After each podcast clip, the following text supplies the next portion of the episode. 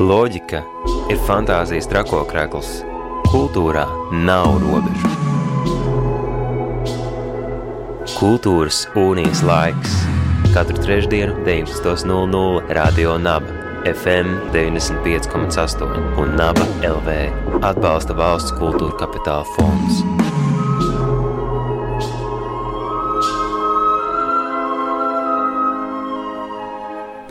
Esiet sveicināti radio naba klausītāji. Ir trešdienas vakars un laiks kultūras unijas laikam stundai, kurā mēs lūkojam runāt par aktuālo mākslā un kultūrā.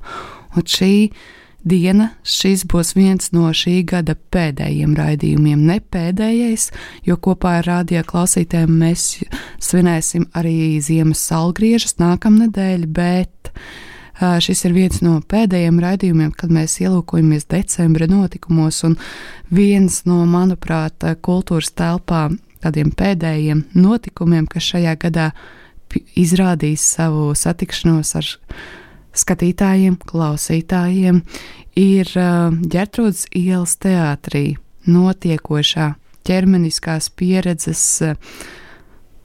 manifestācija, pirmizrāde, māns līgums ar krēslu, un šovakar pie mums eh, Radio Naba studijā ir eh, viesos tās idejas autori, horeogrāfa Sintīja Siliņa un eh, skaņu mākslinieks Maksims Šenteļevs. Sveiki, labvakar! Labvakar! Sveiki! Publiskajā informācijā šis notikums tiek pieminēts kā ķermeniskas pieredzes pirmizrāde un otra izrāde. Bet, nu, vārdu sakot, pirmās izrādes kaut kam tādam, kam ir šīs definējums ķermeniskā pieredze, bet kas tad īsti ir šis mans līgums ar krēslu? Varbūt es kā idejas autore un arī choreogrāfe iesākšu e, par to, kā, kā radās tā ideja un arī kādā formātā mēs viņu beigās arī izvēlējāmies um, parādīt uh, skatītājiem. Um, Ja, nu, jūs noteikti pamanīsiet, ka izrādes uh, nosaukumā ir krēsls un līgums, un, un tas tiešām ir jāuztver tik vienlaikus, tik burtiski un tik poetiski, kā tas arī ir rakstīts. Jo šī um, ķermeņa vēlme sēdēt, šī krēsla klātbūtne gandrīz jebkurā sociālā situācijā man pirms diviem gadiem pēkšņi tādā kaut kādā mm, rengeniskā vai tādā atklāsmīgā veidā uh, uzpeldēja, at, izgaismojās kā. Nu, sākumā kā liela problēma, būt, būdam nākdam no kustības disciplīnas, no mākslas, kas ir ļoti daudz ar kustību, un arī joprojām mēģina ļoti daudz uh, integrēt savā ikdienā, cik iespējams daudz kustības. Un, um, atklājot šo tādu paradoxalitāti, ka uh, ķermenī ir ļoti liela. Liels potenciāls uz kustībām, un vispār viņš ir veidots, lai kustētos viss tas ķermenis.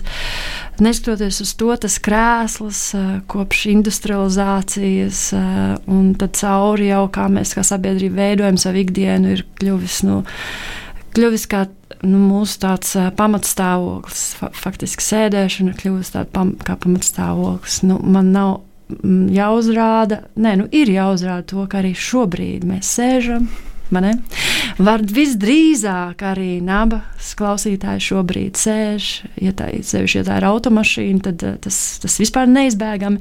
Un tur ir tas eh, vēl interesants moments, ka dažas situācijas, ir īpaši piemēram ceļošana, nav vispār iespējama bez sēdēšanas. Tur vienkārši tas ir kā tāds stāvoklis, kur tev jāpieņem. Kā, eh, tā, nu, tā. Tu sēdēsi lidmašīnā, tu sēdēsi autobusā, mm. mašīnā jebkur, nu, laikam, džungļos tu nesēdēsi. Bet arī jautājums, ja tu nepārvietojies ar, ar eh, savām divām kājām, bet pārvietojies ar jebko citu, kas eh, virza tevi uz priekšu, tā ir sēdēšana. Jā, kustība notiek, bet tu pats nekusties. Ne? Eh, mēs par to varbūt varam atgriezties vēl tad izvērstāk, varbūt ne visu pieminēju, ko gribētu. Jo tiešām tur bija tāds arī e, posms, kurā mēs daudz domājam, un tur ir ļoti liels, arī tad, e, liela uh, nozīme uh, šim tandēmam kopā ar dramaturgu uh, Evartu Melnalksni, jo tiešām šos uh, faktiski divus gadus mēs regulāri tikāmies, mēs jau testējām idejas, uh, domājam, kādā rakursā vislabāk pasniegt šo Testējot krēslus. Testējām drīzāk tās sēdēšanas, eh, mm, teiksim, um, tieksmes, kuros brīžos, kā, kāpēc. Un tad arī, protams, skatoties tās visas uh, sociāla kultūras, sociāla kultūrālās situācijas, arī politiskās situācijas, tas bieži saistīts ar kaut kādām arī mm, mm politiskiem žestiem. Un uh, arī darba vide, protams, ir lielākoties ar to saistīta sasaistīta. Nu, tad, tad, tas ir rezultējies, un mēs esam ļoti gandrīti, ka tas ir rezultējies arī. Ne tikai palicis tāda ideja, forša, asprātīga, kāda ideja, jā, nedaudz tāda paradoxāla, ja, skatīja hori, horeogrāfiski kaut ko tādu, pareizi. Un, uh, bet mēs izvēlējāmies, un tas jau kļuva tāds kā mm, koncepts, ka būtu dīvaini tos skatītājus iesēdināt zālē. Pareizi. Nu, tad mēs izvēlējāmies kaut ko, ko mēs šobrīd um, nu, tādā pieņemamākā vārdā, nu, tādā, ko saprotamāks būtu, bet viņš ir ļoti daudziem biedējošs, tāda līdzdalības izrāde. Bet uh, līdzdalības, kā es to saprotu, tik daudz kā tā solidāri, uh, solidāri veikt tās uh, darbības, kuras parasti saistās ar to sagaidīšanu kad vēlamies apsēsties, tad ir tas sēdēšanas process un sagaidīšana, to, ka ķermenis vēlas piecelties. Mēs izējām visas šīs trīs fāzes faktiski izrādes laikā, bet beigās mēs izlēmām to nesaukt par līdzdalības izrādi, ka tā ir ķermeniska pieredze, jo tiešām šim fokusam uz sevi, uz savu ķermeni. Tie, kas būs atnākuši izrādi, pamanīs nu, tās, teiksim, tos tās, um, mūsu nu, impulsus. Reflektēt par savu ķermeni.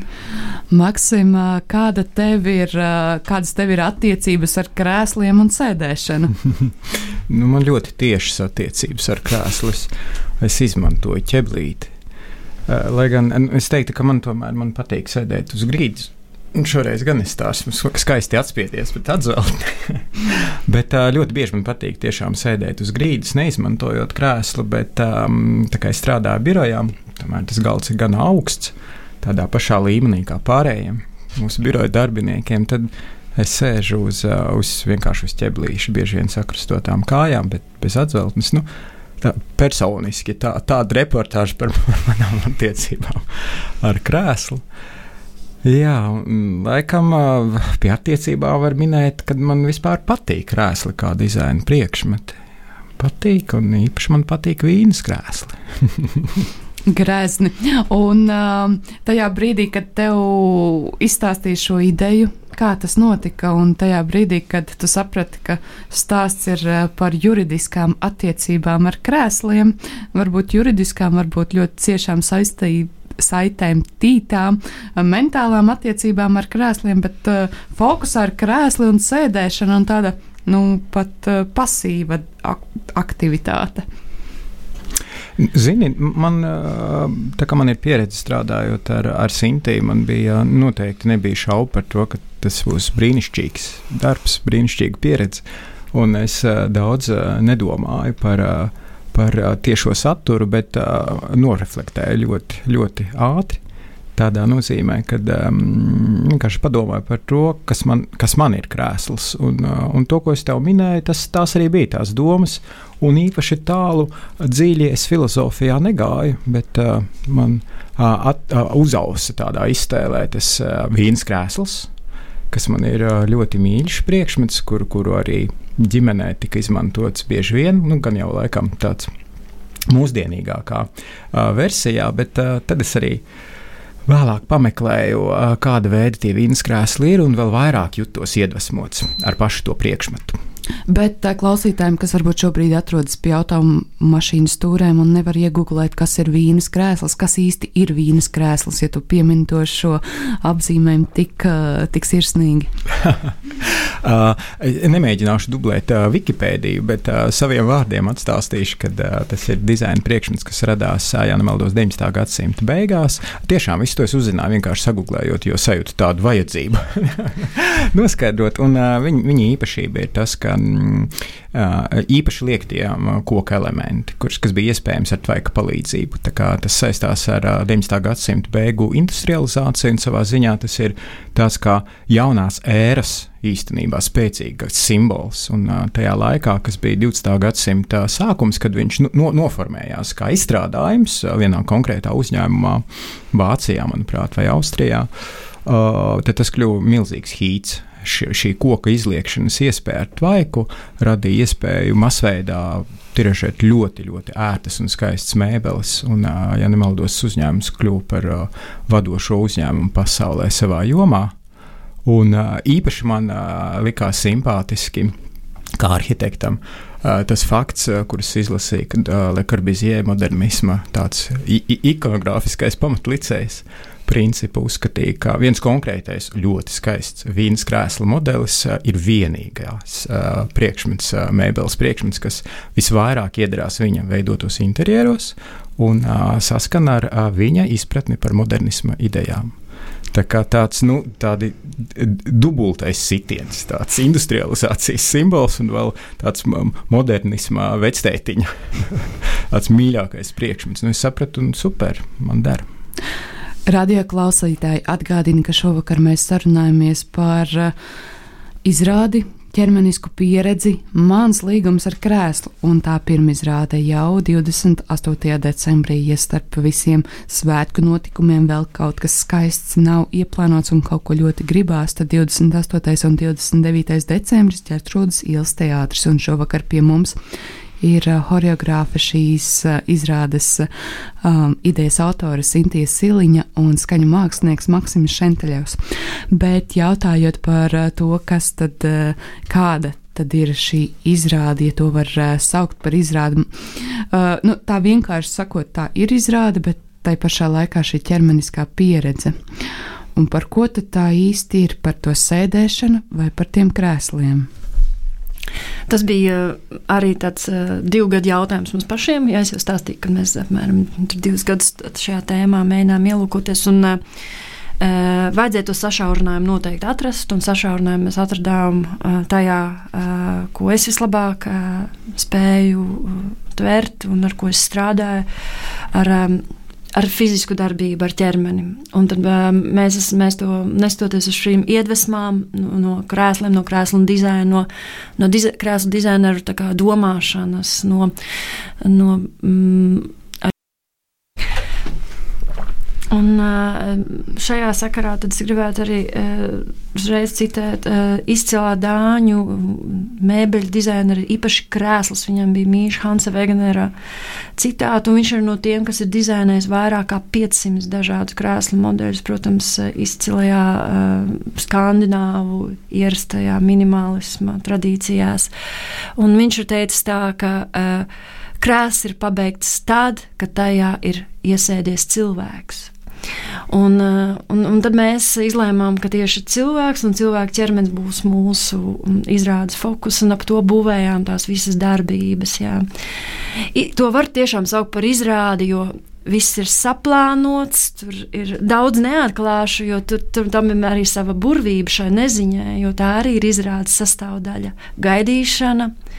Saklausīšana, izjūšana, arī nedaudz ziniet, tāda mm, tāda mm, nepacietība, jā, vai, vai, vai kad nevar, nu, nevar tā, kā, nu, tā, tā sajūta, kad ir ilgi jāstāv un tu nezini, kad tu tiksi sēdēt, vai kad ir ilgi jāsēž un gribas piecelties. Mēs nedaudz gribējām to, to tādu. To, Um, nezinu, dīdīšanās tādu, momentu. Dī, tādu iekšēju dīdīšanos, kņudināšanu, tādu arī nedaudz ieturēt, pieturēt tajā izrādē. Um, bet, uh, manuprāt, arī tas ir gaumīgās devās. No tā nevajag baidīties, ka tur būs kaut kas tik ļoti mokošs ķermeniski. Mm, um, nu jā, un tad mēs atbildot uz tavu jautājumu, tad sēdēšanas darbība un kaut kas drusku pirms un drusku pēc, ja, kas notiek ar ķermeni, tas ir mūsu tas, teiksim, tā teritorija, kurā mēs darbojāmies. Un tad man ir jāpiemina arī, ka izrādā piedalās dejotāja Agnese Borģikova, man kursa biedrene, laba draudzene. Un, man liekas, mums izvērtās tiešām tādā ļoti organiska un, un sapratnēm balstīts process. Un es drīzāk viņu nosaucu šajā izrādē arī vienlaikus kā tādu līdzgaitniece, jo, jo arī viņas klātbūtne bija ir, ir līdzvērtīga tajos visos notikumos, norisēs, kas notiek izrādes laikā, līdzvērtīga skatītāju tai pieredzē. Un tā Agnes ir um, viena no centrālajiem um, komandas um, pārstāvjiem, bet kas vēl ir šajā radošajā komandā? Maksims noteikti ir otrs, bet eh, kas vispār veido šo radošo komandu un kā tu to atlasīji, salasīji un izvērtēji, izvēlēji?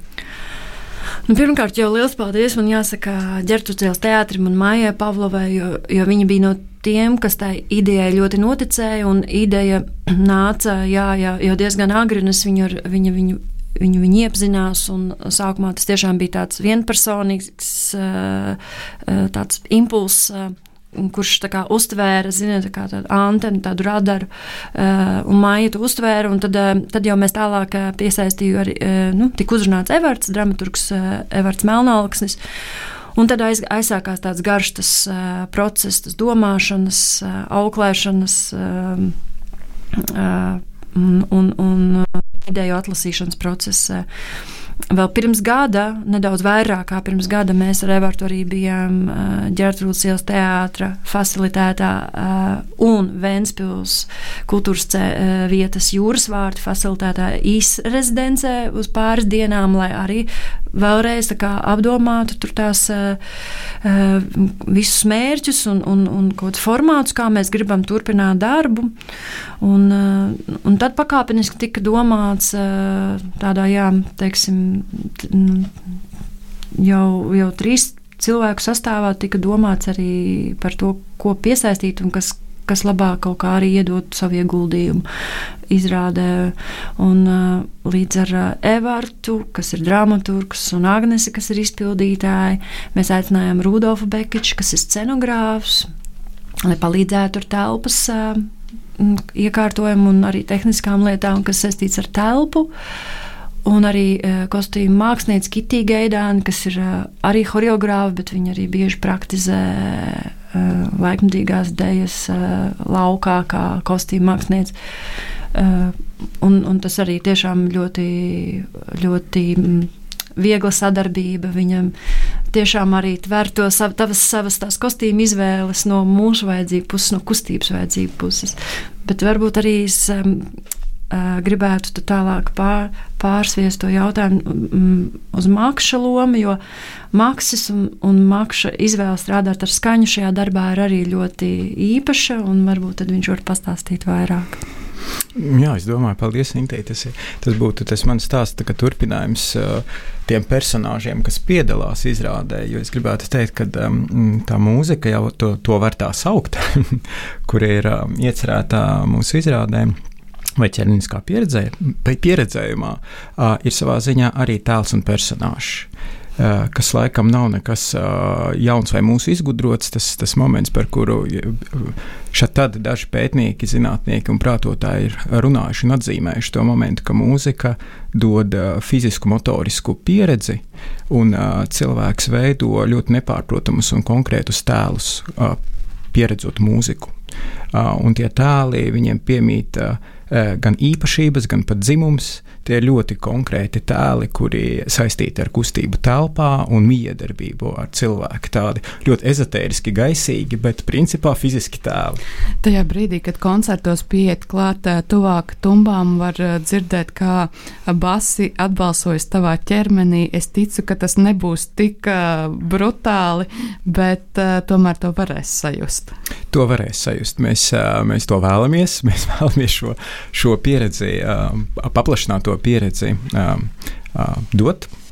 Mm, mēs vēlamies šo mm, pieredzi, klātesamības dot visiem, kas, kas piedalās izrādē, un tik tiešām piedzīvot gan telpu, gan šo tēlu, kuru mēs veidojam pilnīgi fiziski, tāpat kā tas notiek ar to sēdēšanu un visiem tiem ķermeniskiem piedzīvojumiem, kurus mēs izjūtam, sēžot un ne tikai. Uh, nu, tādā ziņā es teiktu, ka skaņa ir vēl viens un tāds ļoti krāšņs uh, dalībnieks. Un, un lai, lai to īstenot, mēs izmantojām tādus divus paņēmienus, ņemot vērā to, ka mūzika ir tas, ko es minēju. Tas ir tāds ļoti konkrēts tēls, kas darbojas uz emocijām. No vienas puses, no citas puses, liek vienkārši ķermenim kustēties, jo, jo tās ir tās pašas, tās pašas, šeit tie paši algoritmi neironos, kas, kas ļauj mums runāt, tie paši algoritmi ļauj mums arī uztvert muzikālos ritmus vai tonalitātes valodā un mūzikā bieži vien pārklājās, un, un mēs spējam uztvert informāciju arī mūzikā, tikai ne tādā formā kā valodā. Tādā ziņā tā ir ļoti, ļoti tāda dziļa iesaiste no muzikālās puses, bet no skaniskās puses tā ir ļoti telpiska pieredze jo savukārt skaņa ir um, tas mēdījis, kas ļauj mums orientēties telpā. Un tad, lai apvienotu šos divus rīkus, mm, es esmu iecerējis izmantot vismaz kvadrafoniju. Tā skaņa būs tiešām telpiska, viņa būs vismaz no četriem vai vairāk punktiem. Tā kā skaņa ceļos telpā un aptvers dalībniekus. Un arī pats skaņas materiāls, lai gan tas ir vien, it kā konceptuāli, bet arī ļoti tieši un fiziski. Tika izvēlēts ļoti ierobežots skaņu arsenāls, tā kā strādāja ar ierakstītām skaņām. Tādēļ arī šoreiz visi skaņas avoti tam darbam, kas tiks atskaņots, nāk no vīnas krēsla, kur es diezgan laimīgs čīkstināju un grabināju mājās visu vakaru un sarakstīju daudz skaistas samples. Gan otrais skaņu avots un vienīgais ir Agneses kraukšķošais ķermenis. It īpaši labs bija žoklis. Tā kā Agnese žokļa kraukšķi un vīnas krēsla čīgāšana tie ir vienīgie skaņas avoti, kas tiek izmantoti šīs izrādes skaņu celiņa pieredzes veidošanā. Izklausās aizraujoši, intriga ir milzīga. Kas tas ir un ko tas liks darīt mūsu ķermeņiem? Un kādu ķermenisko pieredzi sniegs šī izrāde mans līgums ar ķermeni, un kādus līgumus mēs pēc tam gribēsim noslēgt, jo nav brīnums eh, un nav pārsteigums, ka tuvojoties jaunam gadam, gribas vairāk iekustināt to ķermeni un izkustināt no tiem ērtiem dīvāniem vai biroja krēsliem. Es ceru, ka šī izrāde arī to iekustinās, bet uh, ko jūs uh, abi, kā šīs izrādes mākslinieki, gribētu, lai skatītāji, klausītāji, šīs izrādes baudītāji paņemtu līdzi no šīs izrādes? Nu, tas viss. Um labākais vienmēr ir visvienkāršākais. Un to, ko tu laikam minēji, to arī, to arī būtu vērts uh, integrēt savā dzīvē, kā iekustināt sevi. un, uh, izmantot tos visus iespējamos impulsus, lai varētu, lai varētu tiešām to savu ķermeni izmantot mm, vairāk nekā mēs to ikdienā darām. Mm, nu, tur nav, tur nav man jāstāsta vesels tā plējāde, kā tas ietekmē mūsu veselību. Man liekas, tas visiem ir uh, skaidrs. Uh, Bet eh, jā, eh, tā, tas, kas man vienmēr nedaudz satrauc, ir tīpaši tajā Covid laikā, kad sākās tā digitālā, nedaudz tāda ēra kurā viss tika pāriet uz ekrāniem, man nedaudz satrauca, eh, kas notiks ar, ar ķermeņiem un ar tām disciplīnām, kas strādā ar ķermeņiem, ar, ar piemēram, tādu kā dēļu mākslu. Vai cilvēki ne, ne, ne, nekļūs jau tik atsvešināti no sevis, ka viņi arī ne, nu, nevarēs nekādi pieslēgties šādām formām. Uh, nu, tad šis ir kaut kas tāds ļoti uh, uh, aicinošs uh, to pieturēt savā dzīvē, jo es esmu pārliecināta, ka mēs neesam tikai runājošas galvas, un ka tas, tie visi procesi, kas mūsos notiek, un, un, un, un visas iespējas iespējas, ko piedāvā mūsu ķermenis, ir ļoti arī saistīts gan ar intelektu, gan ar visu veidu inteligenci un tādu mm, visaptverošu ķermeņa pieredzi arī visiem novēlu. Skaisti. Maks, vai tev arī ir kas tāds, ko tu gribētu, lai skatītāji, klausītāji un šīs izrādes baudītāji paņem līdzi no šīs izrādes? Nu, es, es gribētu teikt ļoti tieši, ka ļoti gribētos, lai visi klātesošie sajūtas kā pilītes okeānā, un lai pietuvojās šim milzīgajam, bezgalīgajam okeānam, kur mēs centīsim šo pieredzi sniegt ar šo izrādi. Cik skaisti. O, šovakar pie mums radio naba studijā viesojās Sintija Siliņa, horeogrāfe un skaņu mākslinieks Maksims Šenteļevs. Viņu un vesels radošās komandas jaunāko veikumu varēs redzēt 28. un 29. decembrī Ģertrūdas ielas teātrī ar nosaukumu Mans līgums ar krēslu. Bet Maksimu varēs dzirdēt vēl tieši pēc nedēļas šeit, Radio Naba studijā, kad kopīgi svinēsim ziemas salgriežus. Maksim, kas tev ir padomā? Jā, gan padomā man ir ar uh, biedru Tomu Ceļmilleru uzspēlēt tādu priekšnesumu piedzīvojumu, kuru mēs veicām, ja nemaldos, vismaz vienu reizi jau pagājušajos salgriežos šeit pat Radio Nabā. Mēs kopā ar mūsu izveidoto tēlu skādi sniegsim tādu pieredzi salgriežos, spēlējot izkapt un slēp. Mūsu vienība ar to saucās izkapts un slēp saistībā ar šiem vienkāršiem priekšmetiem, kurus mēs arī izmantosim spēlējot un mēģināsim tā ieskandināt šo īpašo mirkli 21.12. Tieši pēc nedēļas 21. decembrī 21.12. Maģisks notikums, muzikāla pieredze radio viļņos. Par to vēl informācija sekos, bet paldies par šo viesošanos šeit, Radio Naba studijā.